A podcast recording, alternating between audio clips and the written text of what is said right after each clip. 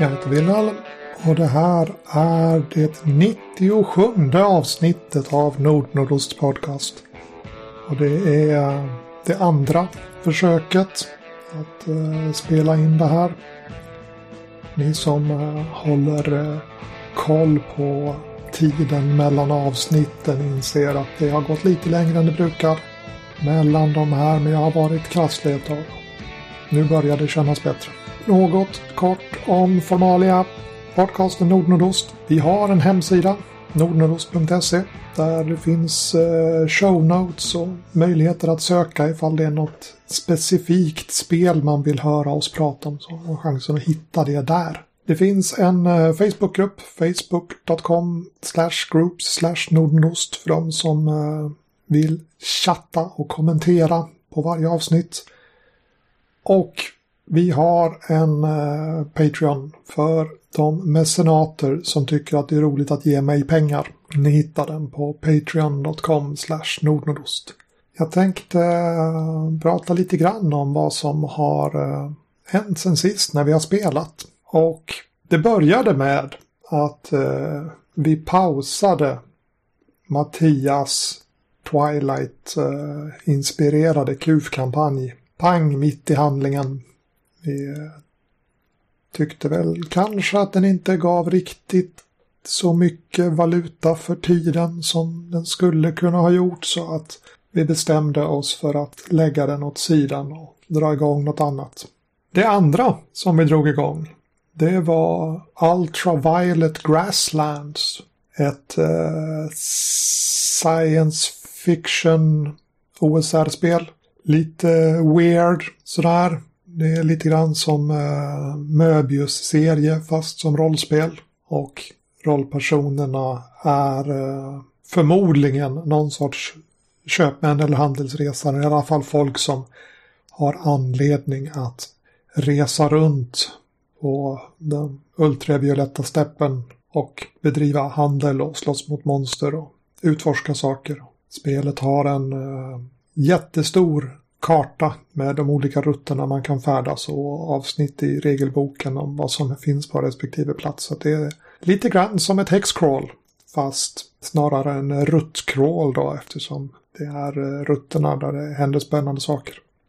Och vi tänkte oss att vi skulle eh, slå fram så mycket som möjligt i uppstarten. Så vi eh, gjorde våra gubbar och en av gubbarna ärvde en blodbesudlad förmögenhet och vi började spelet med ofattbart mycket pengar. Vilket eh, ledde till att vi eh, köpte vagnar och vakter och dragdjur och grejer. Och spelet blev ganska fort faktiskt en eh, logistikövning. Det var det, det, visade sig när vi spelade att det blev inte så mycket rollspel av det där utan vi gjorde våra logistikberäkningar för att planera nästa språng på resan och sen så mer som ett eh, störmoment så slog vi lite slumpmöten och reagerade på dem. Kanske var det det som gjorde att vi la även den kampanjen åt sidan. Kanske hade vi haft roligare ifall vi hade börjat i något mindre skala med sedvanliga luffare som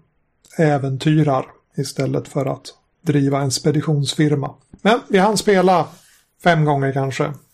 Eh, och det gav väl eh, ett intryck av hur spelet funkar. Jag tror nog att det skulle kunna vara ett trevligt spel. Eh, även om vår specifika setup inte blev så himla rolig. Med Ultraviolet Grasslands lagt till handlingarna så stod vi återigen utan spel. Och vi eh, snackar lite grann om vad vi har spelat tillsammans och vad vi har tyckt varit roligt och vad vi eh, uppskattar och sådär. Så att Mattias pitchade att vi skulle återvända till Norrlands inland. Eh, och den här gången i en, en, en ny kampanj men som står på, på samma tabeller och setup som den, den ursprungliga fast med en lite annan approach. Och vi var sugna på det så att nu spelar vi ungdomar på 00-talets början som är på ett eh, kristet sommarläger för ungdomar på glid. Och vi har eh, gjort sedvanlig uppstart och slagit fram vilken sorts palt man äter i bygden och vi har äventyrat lite grann, utforskat en närbelägen göl och eh, under ett eh, bastubad i förra spelmötet så skymtade vi Stalo i buskarna. Så att eh, nog är det Norrlands inland alltid. Roligt att återvända till KUF. Fantastiskt trevligt spel. Eh, roligt att återvända till eh, Norrlands inland igen också.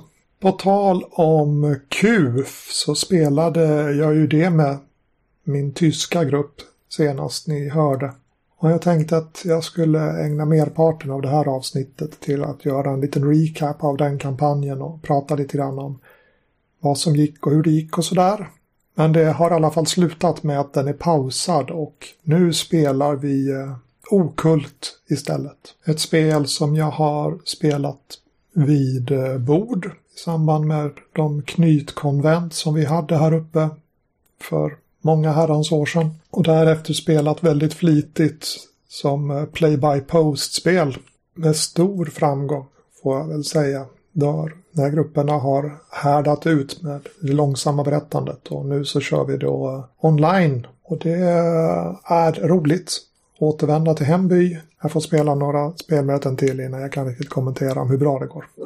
På tal om nordnordost så funderar jag ganska mycket på nordnordost. Det kanske inte märks när det är så långt mellan avsnitten men jag funderar på vad det ska bli av Nordnordost-podcasten framöver. Känner lite grann att jag har eh, pratat om eh, de spelledartips och spelartips och spelkonstruktionsfunderingar och sånt som jag har att bjuda på. Och då är ju frågan vad eh, podcasten ska handla om istället. Eller vad som är nästa steg eller vad vi ska gräva djupare i. Ni är naturligtvis varmt välkomna till, till Facebookgruppen och diskutera den frågan vad Nordnordost borde vara under 2023. Men jag funderar på ifall vi ska eh, ha ett lite starkare KSR-spår det kommande året. Klassiskt svenskt rollspel, ni vet.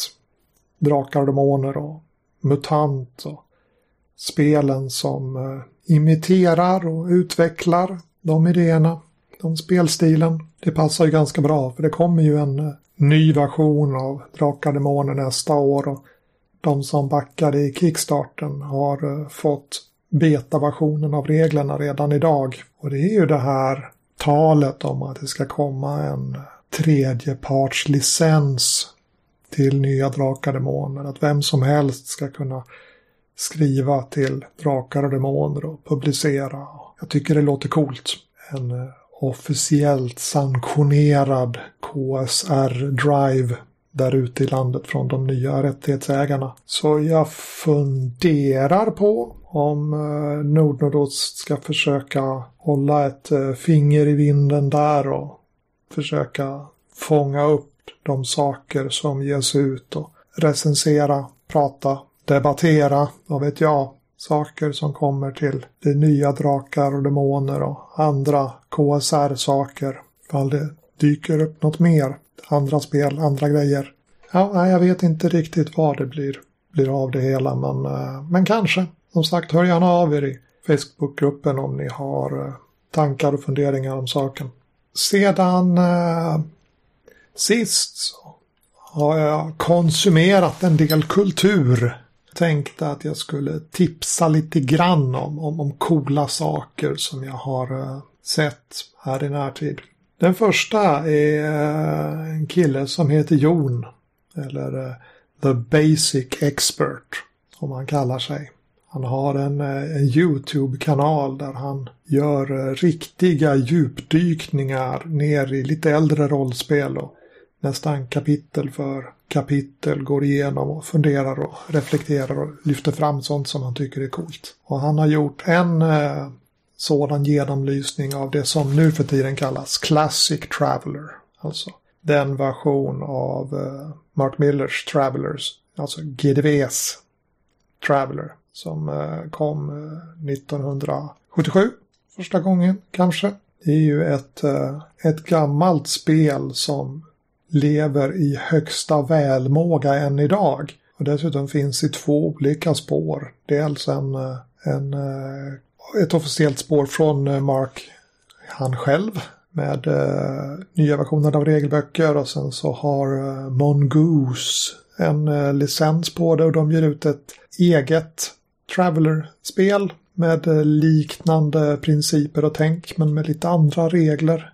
Och dessutom så finns det en, eh, en retroklon till systemet som heter eh, The Cephus Engine som jag inte har spelat. Men i alla fall, det är alltså ett, eh, ett gammalt spel som lever vidare än idag och är cool sci-fi och Jon gör en riktig djupdykning ner i det. Väl värd att, att följa. Dessutom har han gjort en, en liknande genomlysning av det gamla Star Wars-rollspelet från West End Games. Det vill säga det som i Sverige blev Stjärnornas krig-rollspelet när Äventyrsspel översatte. Ett äh, roligt spel och en äh, riktigt trevlig genomgång på just äh, YouTube-kanalen The Basic Expert. En annan cool grej det är det japanska fenomenet med replays. Alltså en eh, nerskriven spelkrönika där eh, man inte har eh, säga, dramatiserat handlingen utan man faktiskt får eh, läsa vad spelarna säger och bordssnacket runt omkring och lite regeldiskussioner och all, allt möjligt sånt där. Som hela upplevelsen. En eh, föregångare till eh, actual play-poddar kanske, fast i skriftlig form. Ni som har eh, läst spelexemplen i KUF eller Ökenros känner igen hur, hur det kan se ut i alla fall. Även om de är rent hittepå och inte nedskrivet faktiskt rollspelande.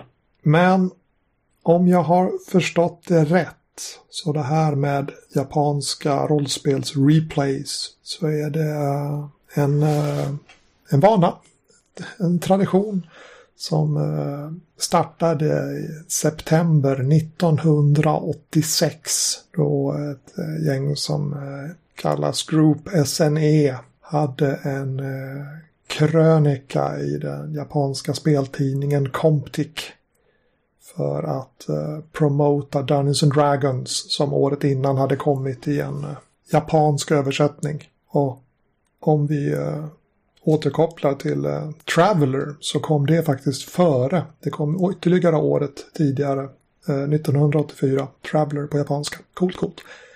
Men åter till replayen. Så i Comptic eh, septembernumret 1986 så var det då en, eh, en replay. En eh, spelgrupp spelade Dungeons and Dragons som man hade skrivit ner hur man spelade. Då skulle jag som förklara hur rollspel gick till och skapa entusiasm för det här konstiga fenomenet med rollspel. Och det gjorde de med besked, måste jag väl säga.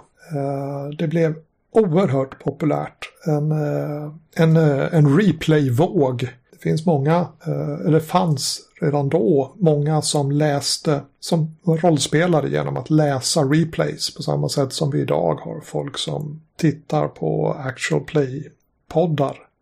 På actual play-streamar utan att själva spela utan bara konsumerar. Och just den här japanska replayen i Comptic för att promota Dungeons and Dragons. Den blev, ja den blev jättestor. Därför att, eller kanske inte därför att, nu är det lite fråga om hönan och ägget här, men kampanjen kallades Record of Lodos War. Och ni som gillar manga eller anime känner ju igen det här Record of Lodos War, det är ju en anime. Och här var rollspelskampanjen först. Den blev som, den här replayen blev så populär att den fick spin-offs i form av eh, anime och manga. Och det här är ju en, eh, en kulturskatt som ni förstår, jätteintresse. Dels eh, rent som tidsdokument, hur spelade man Dungeons and Dragons i Japan 1986? Men också att den som hade den här stora kulturella påverkan på, på den japanska rollspelscenen. Och som utlänning har det varit lite svårt att som, se vad de vad de sa, vad de skrev. Och till och med som japan kan det ha varit lite lurigt för att det blev så populärt att de här tidningarna de blev eh, de försvann från biblioteken. De blev helt enkelt stulna. Och så det, det var otillgängligt även för rollspelare i Japan att få se detta viktiga startskott för den japanska rollspelsscenen. Eh, men så förra året så släpptes en eh, översättning av den här replayen, alltså artiklarna om hur man spelar Dungeons and Dragons komplett med bordssnack. Släpptes i engelsk översättning och det går att ladda hem gratis eh, idag från archive.org. Jag stoppar eh, länken i eh, show notes och jag rekommenderar den varmt. Och ni som har sett mangan och tittar på artiklarna kommer att känna igen figurdesignen Eh, på, på flera av figurerna. Det är, det är samma figurer. De såg ungefär likadana ut i de här tidningsartiklarna som de sen kom att göra i mangan. Jätteroligt att se.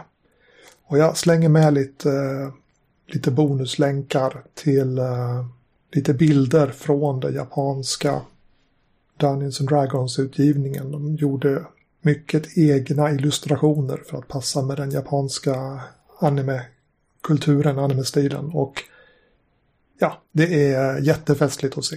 Tips, tips. Och med eh, ungefär en halvtimme på räknaren nu i eh, Audacity här så tänkte jag gå över till att eh, prata om eh, KUF-kampanjen som jag hade med tyskarna. Så är du inte intresserad av det så eh, kan du med gott samvete stänga av avsnittet här. Men för er som är kvar så spelade jag KUF.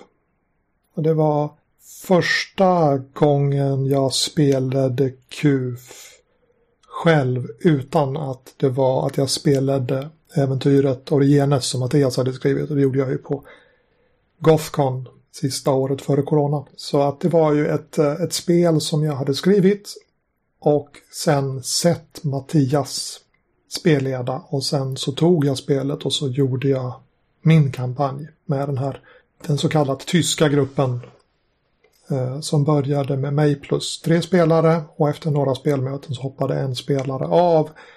Så att det var två spelare genom större delen av kampanjen.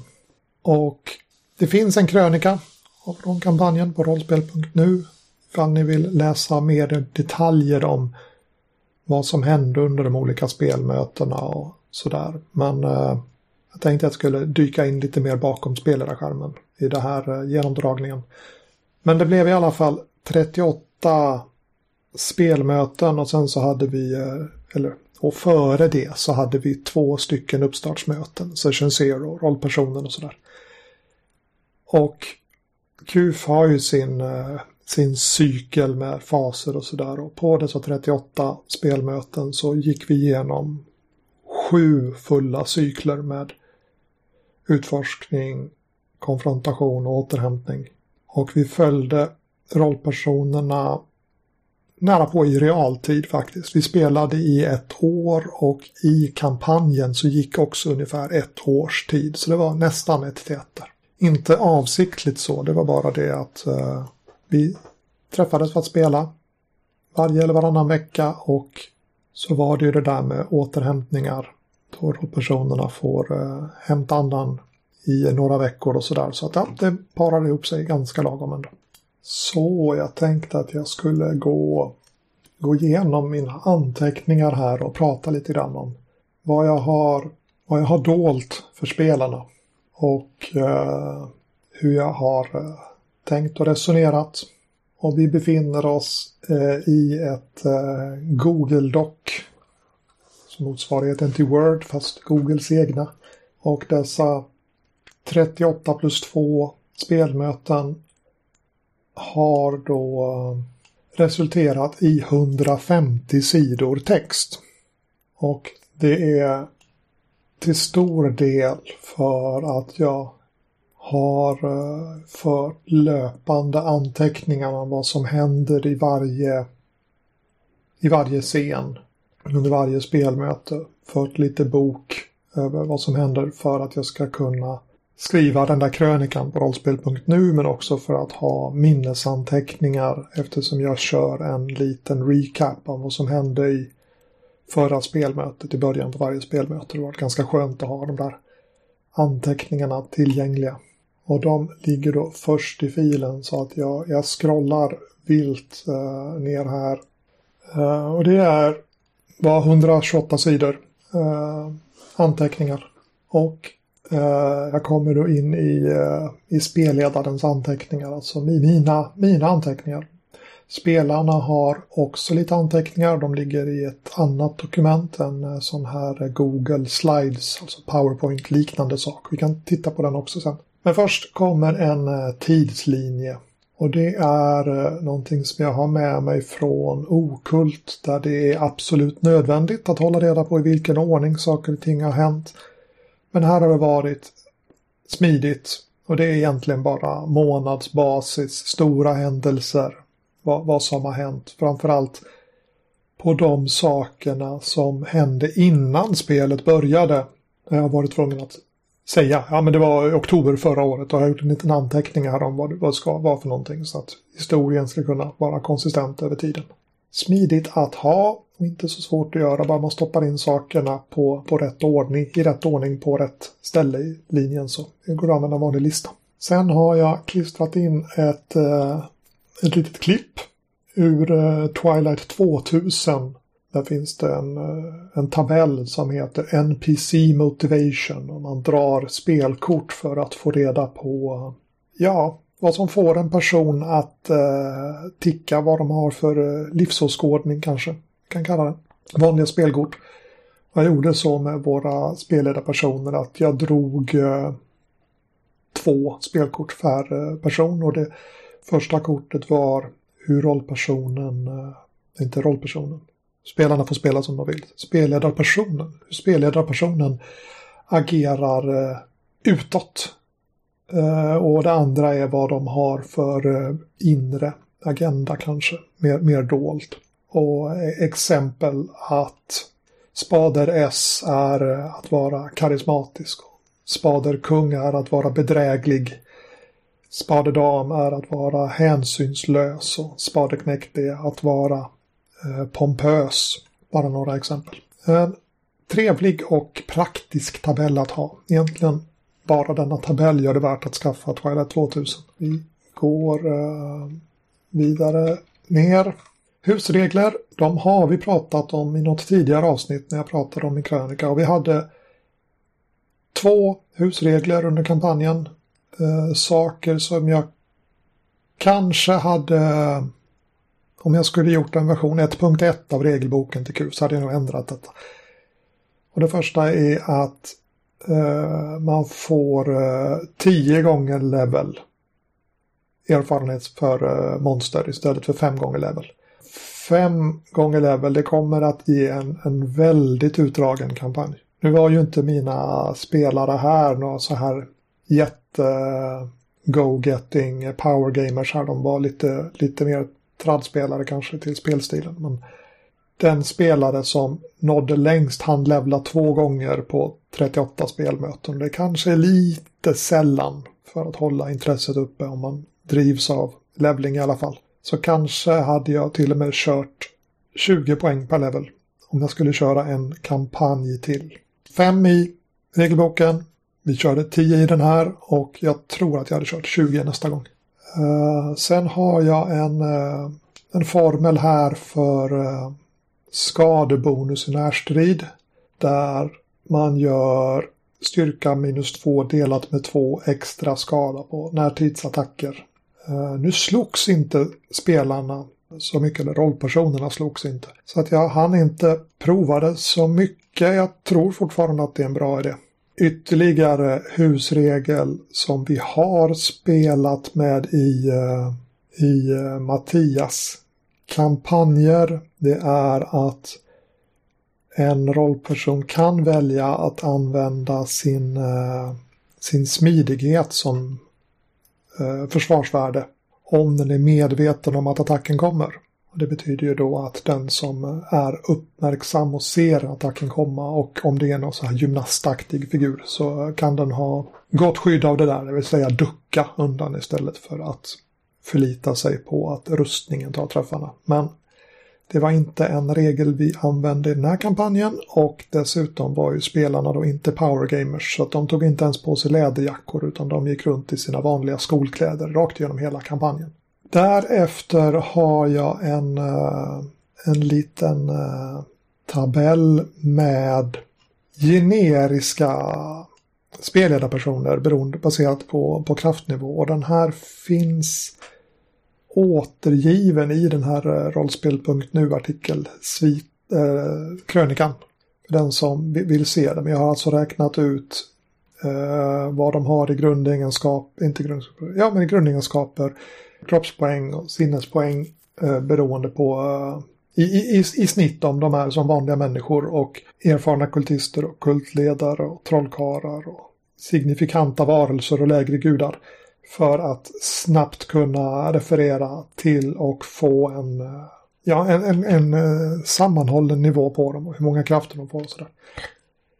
Den är... Eh, den sparade mycket tid. Jag funderade inte så mycket. Jag, när jag introducerade en spelledarperson så tänkte jag, ja men vilken sorts kraftnivå ska den här vara på?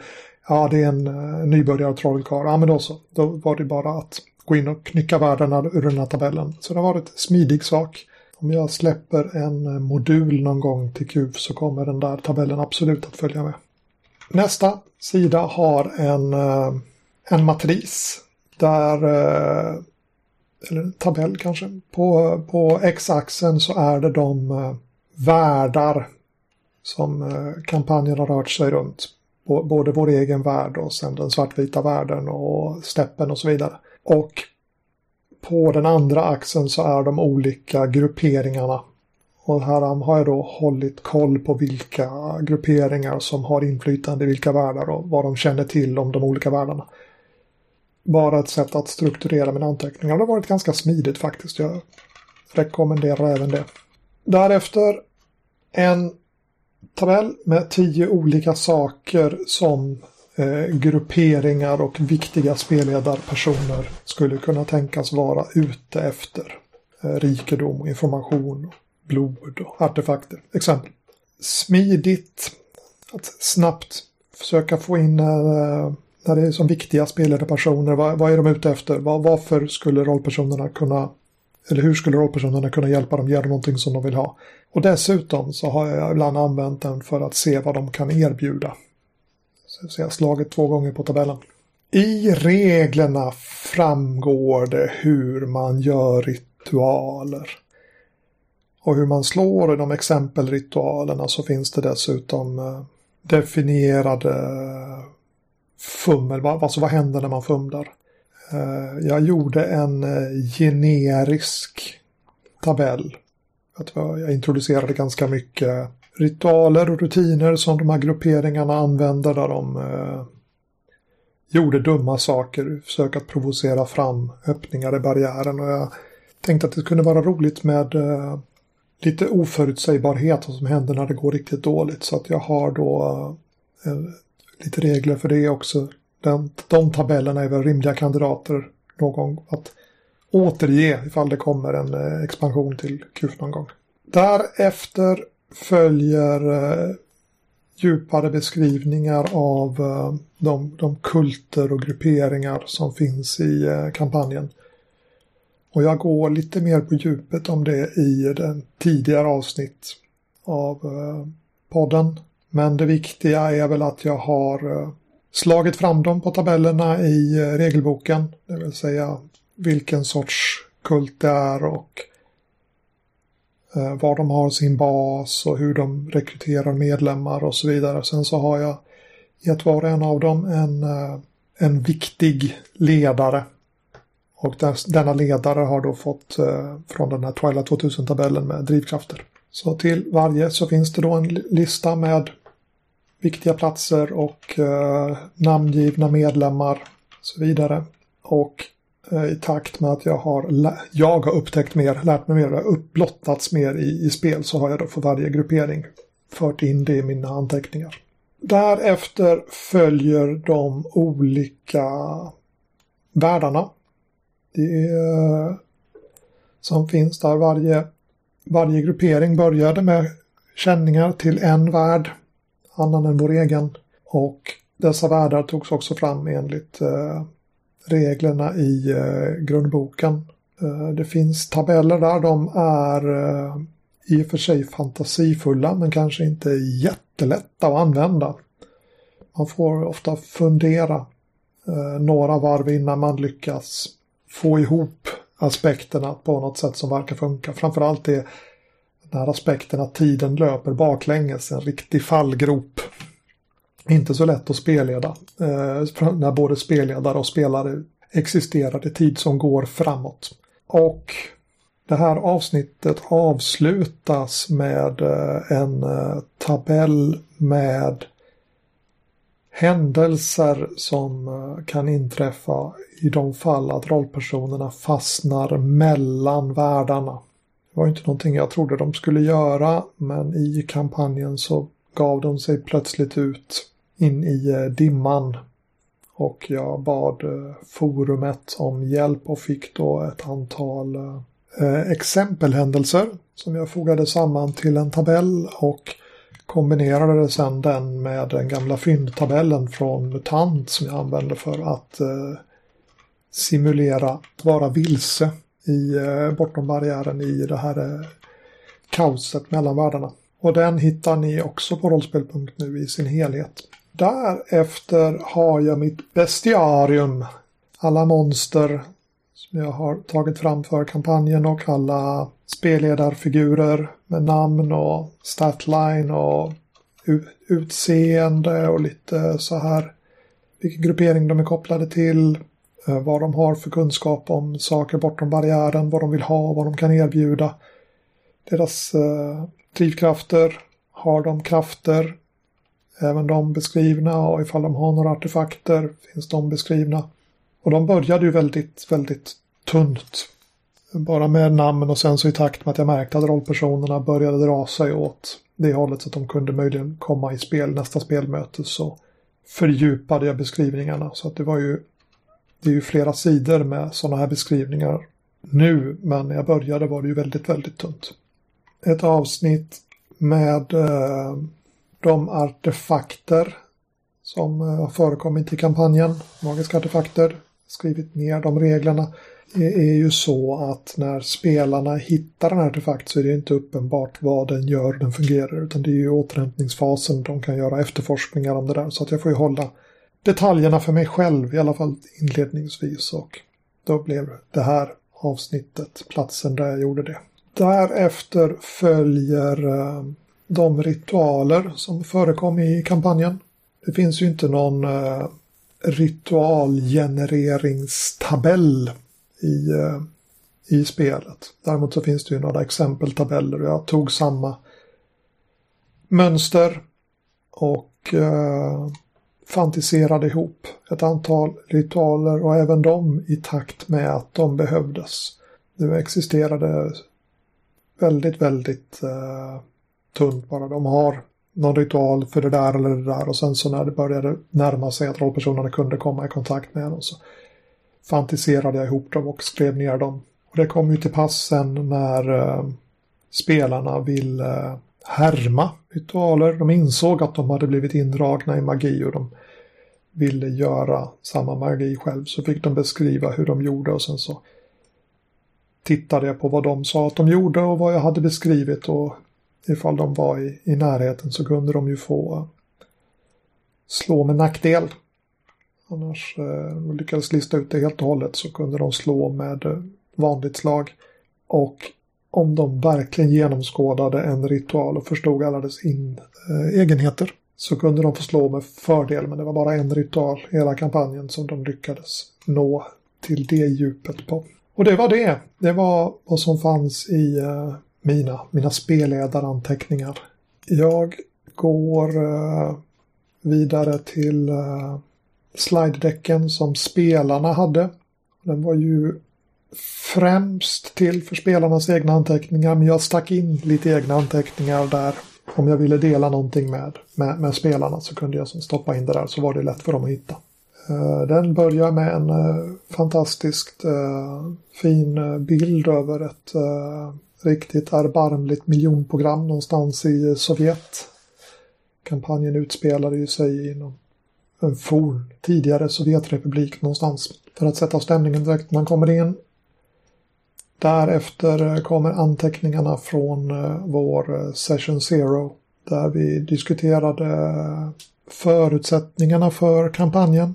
Till exempel att vi ska spela KUF och att mitt förslag då var att alla rollpersonerna är studenter på olika universitet i den här universitetsstaden. Etablerat för spelarna också, de vana vid eh, player versus player-spel med ryggstöt, dolkstötar. Men här då att ni behöver inte vara ni, ni, rollpersonerna är vänner. Och att vi inte har några hemligheter mellan spelarna och förmodligen inte mellan rollpersonerna. Dessutom att om en rollperson eh, går bort, blir förlorad, går förlorad under kampanjen så ska man ta en, eh, en av de kompanjoner som gruppen har knutit till sig i första hand som sin nya rollperson. Eh, vi återvänder till det lite senare. För det blev, fick en stor påverkan på kampanjen. Vi pratade om uh, Lines and Veils och X-cards och så vidare. Saker som vi ville hålla antingen ute ur spelet eller med eh, viss eh, begränsning på. Vi eh, sa att vi hade ett eh, sånt här X-card men det, när vi var online här så fanns det ju inte något sånt här fysiskt. Det gick ju inte att sträcka sig fram och toucha på något. Däremot så hände det några gånger i kampanjen att någon av deltagarna sa stopp. nu x jag här, det där ska vi nog inte ha med. Kan vi gå vidare? Och det var aldrig några problem. Uh, vad händer sen då? En uh, sida som sammanfattar vad vi vet om uh, den här tidigare Sovjetrepubliken. Dricker vodka, äter mörkt bröd och badar bastu. Fördomarna haglar. Eh, motsvarande sida med sammanfattningar av vad vi vet om staden Raknogorod som kampanjen utspelades i. En eh, liten karta över staden med viktiga platser markerad.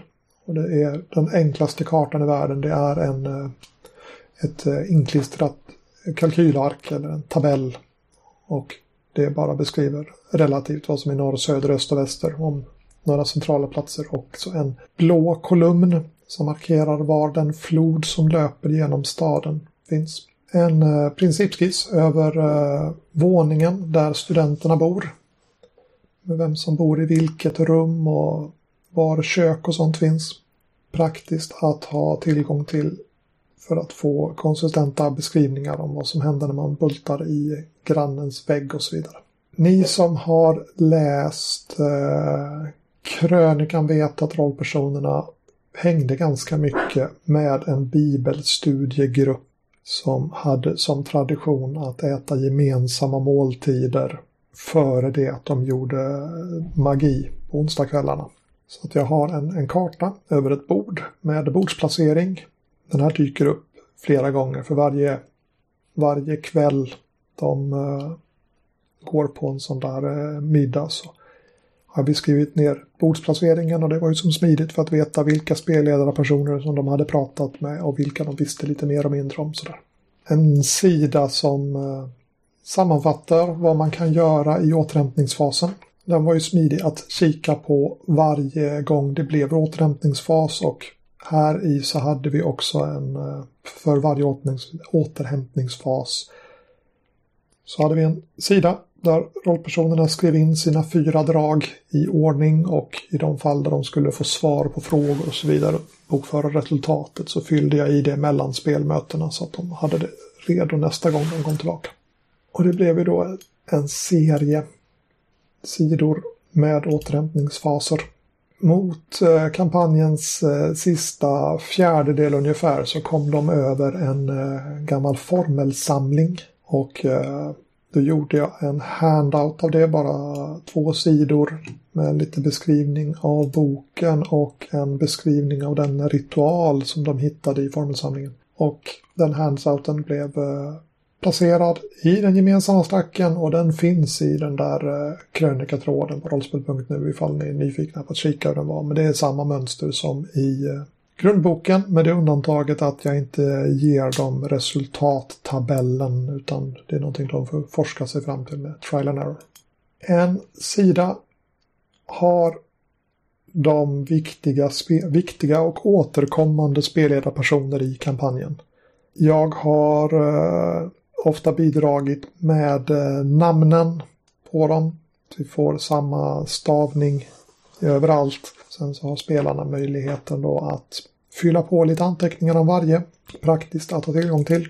De ritualer som de har kommit över och forskat fram får varsin sida.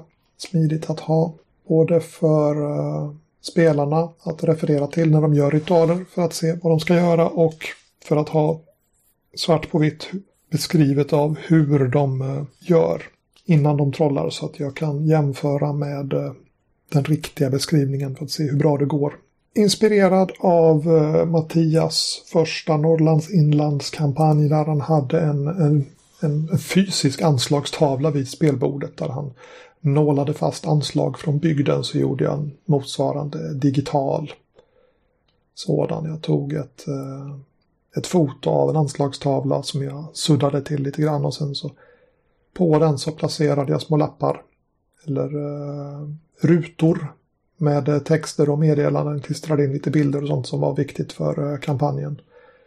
I det här fallet så var det en, en tavla som hängde i entrén till det här våningshuset där studentkorridoren var.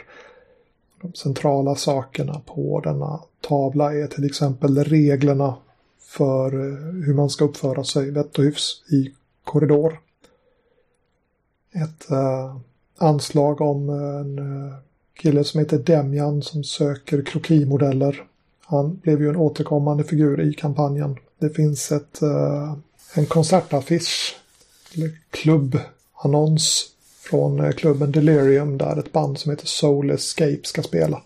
Det var någonting de fick höra talas om ganska tidigt i kampanjen men valde att strunta i. Men det här eh, Soul Escape-bandet dök ju upp som gubben i lådan lite längre fram.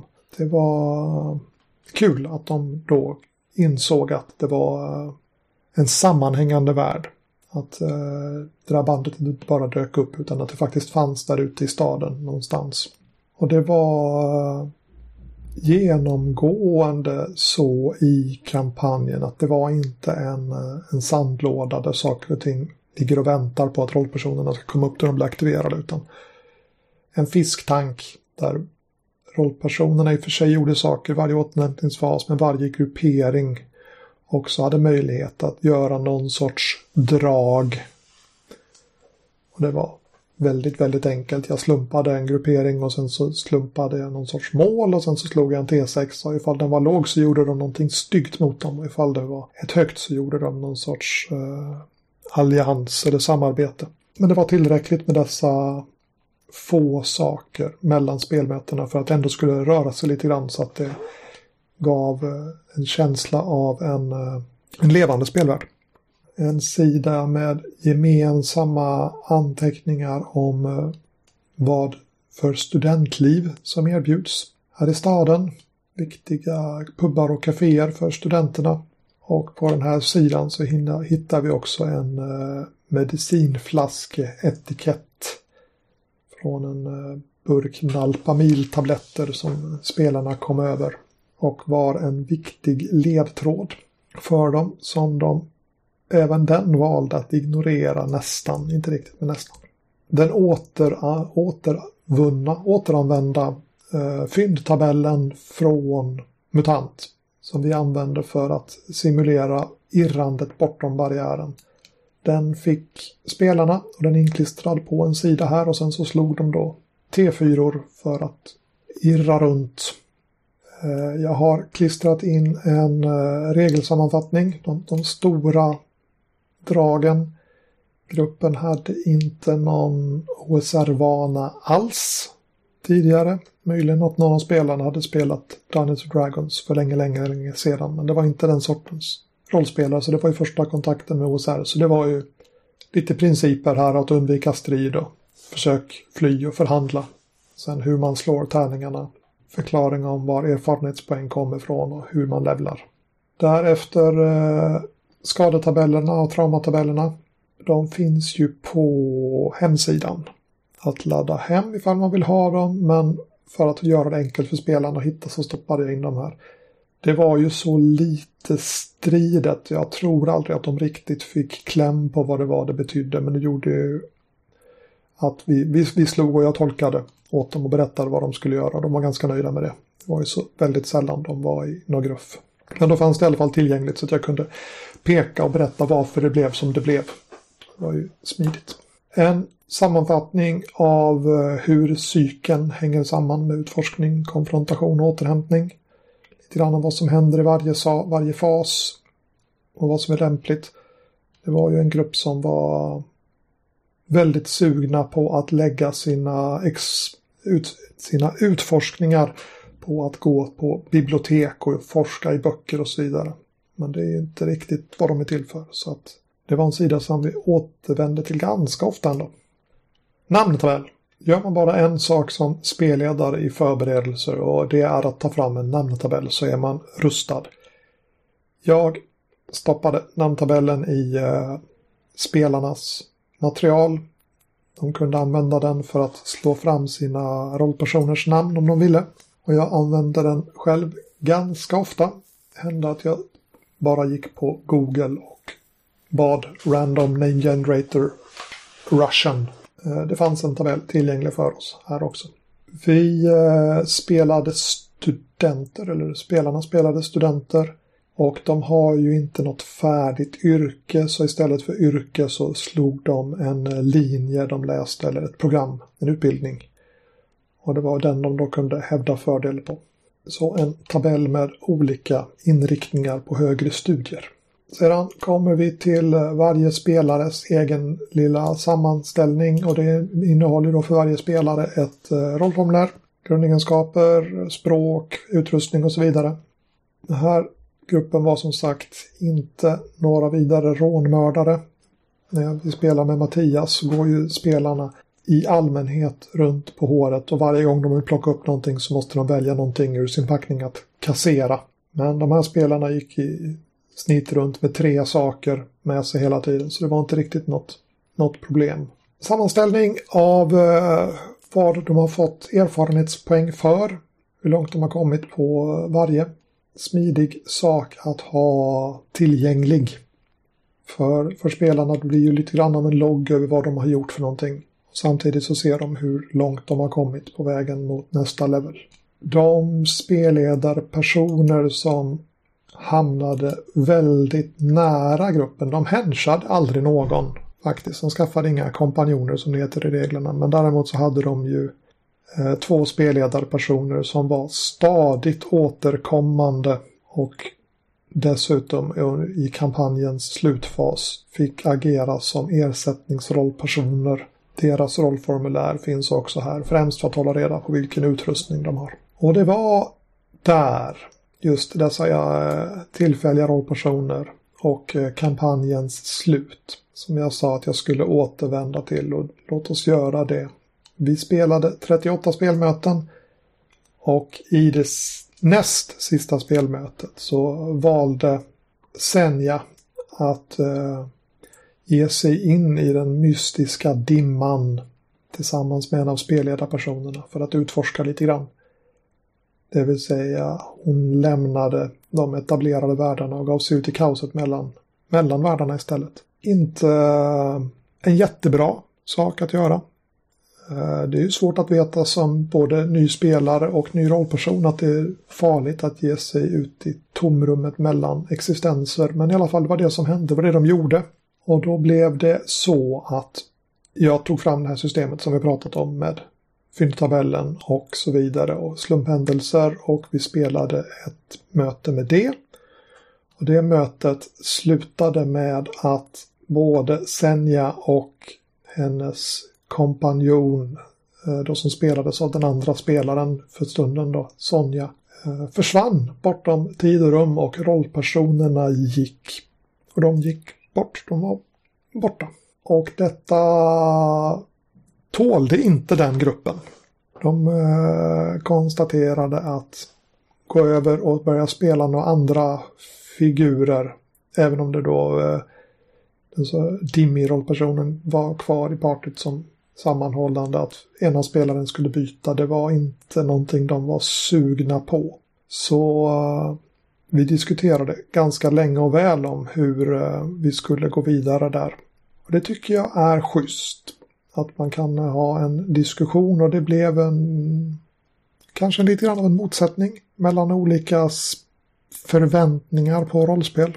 Eh, jag ville ha en uh, lev med dina beslut-aktig uh, OSR-inställning och spelarna ville ha uh, någonting lite annat kanske. Eh, men då eh, bestämde vi oss. Låt oss i alla fall tillfälligt parkera den här kampanjen. Låt oss göra någonting annat. Det är ju inte otänkbart att vi återvänder till staden Rachnoigorod och studenterna och de kulterna som finns där. Det finns ju flera trådar kvar att gräva i för spelarna som de inte har utforskat fullt ut. Men just nu så är det på is. Och det var mina anteckningar och kanske en liten wrap-up från eh, kampanjen. Och bortsett från den här lilla motsättningen på, eh, på slutet där våra förväntningar kanske spretade lite grann i praktiken i alla fall. Den var ju med omnämnt redan under session zero-anteckningen att det var så här det skulle funka. Men när det blev i praktiken så kändes det inte så bra för spelarna. Eh, så får jag säga att det funkade bra. Vi hade trevligt och KUF börjar ju väldigt, väldigt tunt. Väldigt, väldigt platta rollpersoner och de där eh, tabellerna som finns i grundboken de är ganska tunna sådär. Man får några ledstjärnor men det är upp till spelledaren och spelarna att knyta samman det där till en eh, levande värld. Och det funkar bra, tycker jag. Jag tyckte det redan när vi spelade med Mattias och nu när jag har spelat själv också så tycker jag att det funkar bra. Det var inte de bitarna som gjorde att spelet rasade och det blev lite trevande första två spelmötena men sen så manifesterade sig det som gjorde det som trevligt och mysigt. Så att det är väl det där med emergent story istället för att ha en, en förberedd story. Och det var roligt att spela. Men nu säger eh, klockan i programmet att jag har eh, pratat i en timme och 15 minuter och det kanske till och med hörs på min eh, röst vid det här laget. Det är eh, slutet på november Snart kommer eh, december och jag eh, vet inte om jag kan lova att det kommer något avsnitt för jul eller nyår. Jag ska se vad jag kan göra, men om vi inte hörs får jag önska er redan nu en eh, god jul och ett gott nytt år. Och i eh, väntan på nästa avsnitt så kan ni ju dyka upp i Facebookgruppen och komma med lite önskemål om vad Nordnordosts podcast borde handla om under 2023. Är det en bra idé att prata om Drakar och Demoner och KSR? Eller ska vi prata om någonting annat? Då så. Godnatt, godnatt.